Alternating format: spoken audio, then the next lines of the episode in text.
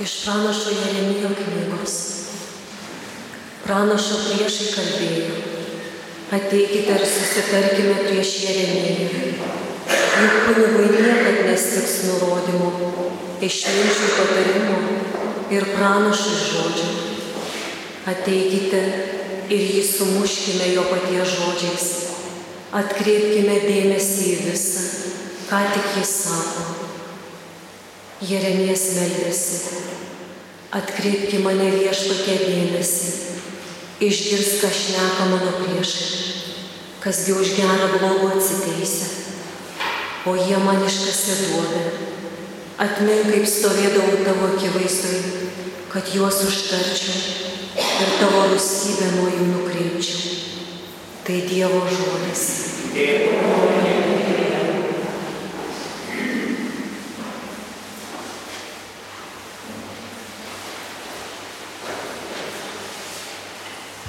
Gelbėk mane viešpatie, esi gailestingas.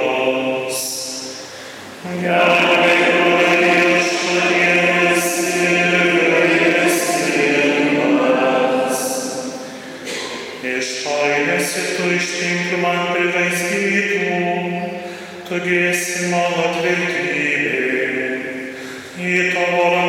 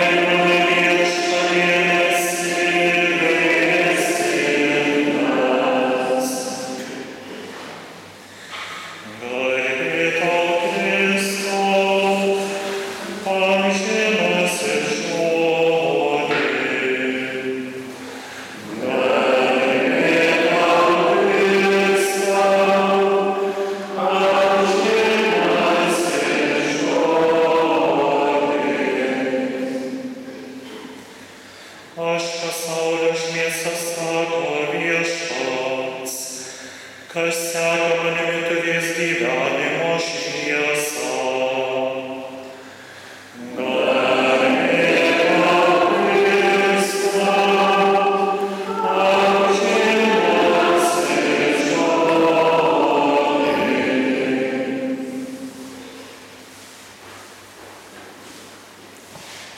Viešpats su jumis.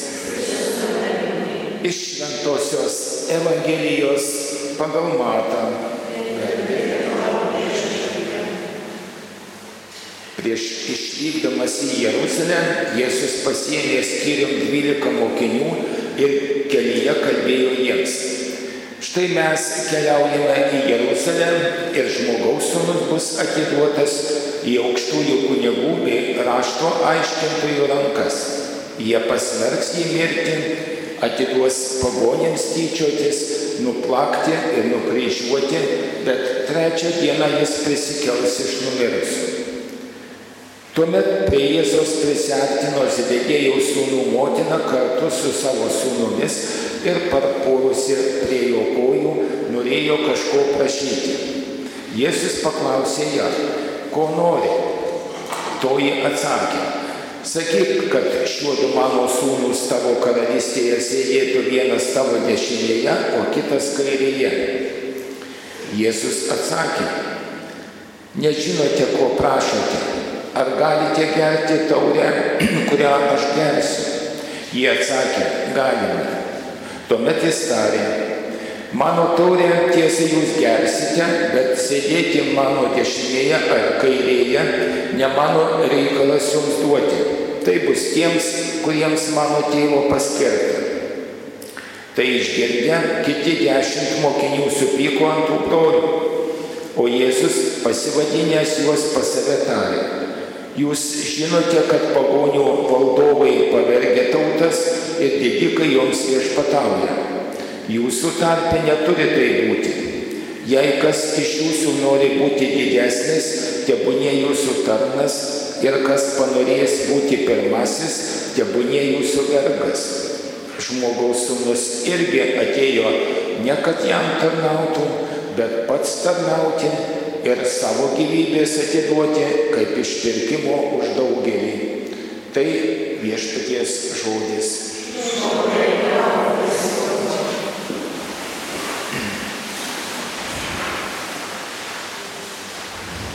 Gavėnios laikas, kuriuo gyvename ir bažnyčia kuri mus kviečia sekti paskui Jėzų. Šitas kelias eina į Golgotą, tačiau ne į išaukštinimą, ko norėjo Zebedėjaus sūnų motina prašydama savo sūnums išaukštinimo, kad jo karalystėje, Jėzaus karalystėje, jo, jos abu du sūnus sėdėtų vienas kairėje, kitas dešinėje kad būtų išaukštinti, beje, panašaus dalyko klausė, prašė Petras, sakydamas viešpatie, štai mes viską palikome ir sekame paskui tave. Kas mums bus už tai? Ir Jėzaus paaiškinimas dvylikai, kuriuos jis įsirinko skyrium nuo kitos minios, nuo kitų mokinių netrodė labai optimistiškas, tiksliau labai niūrus. Žmogaus sūnus bus atiduotas į aukštųjų kunigų bei raštų aiškintojų rankas, jie pasmerks jį mirti, atiduos pagonėms tyčiotis, nuplakti ir nukryžiuoti. Šiokia tokia viltis, kurie žmogiškai nelabai aiški ir miglota, trečią dieną jis prisikels iš numirusių.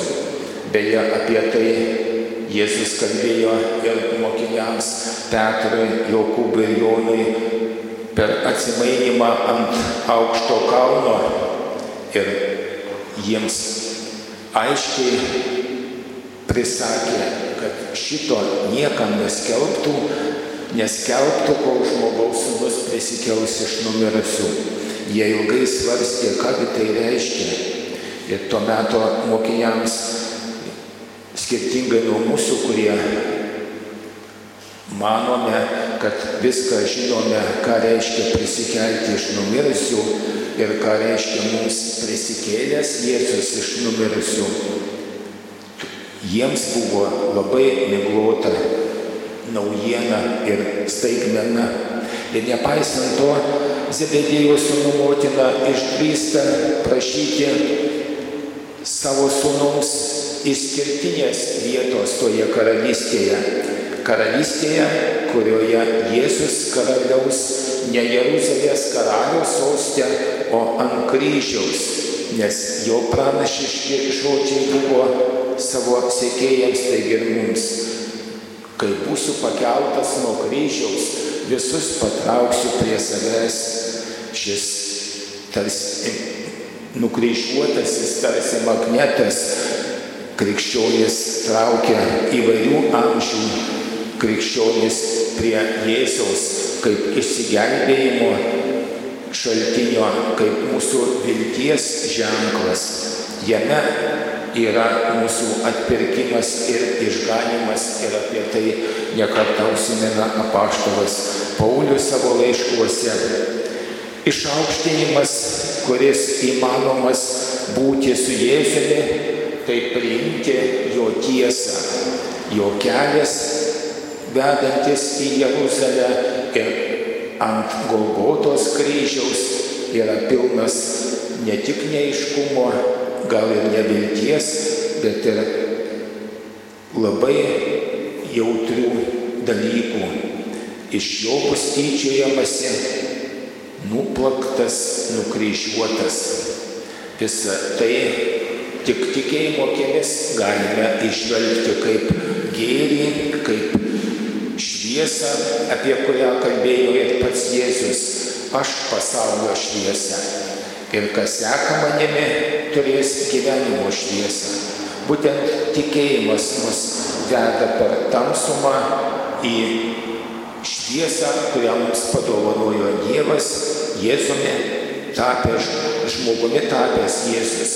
Jis mus veda ne dėl to, kad mus mėgintų ar kankintų, bet kad mus nuskaidrintų ir mūsų sielas parengtų tai dienai, kurioje nebebus kaip apaštalo Paulio laiškuose parašyta nei liūdėsio, nei aimanų, nei skausmo, nei ašarų. Ten matysime Dievą tokį, koks jis yra veidas į veidą. Tokia yra mūsų tikėjimo perspektyva, žvelgiant į Jėzų, kuris eina į Jeruzalę už mus numirti ir prisikels, kad mes jau jame gyventume.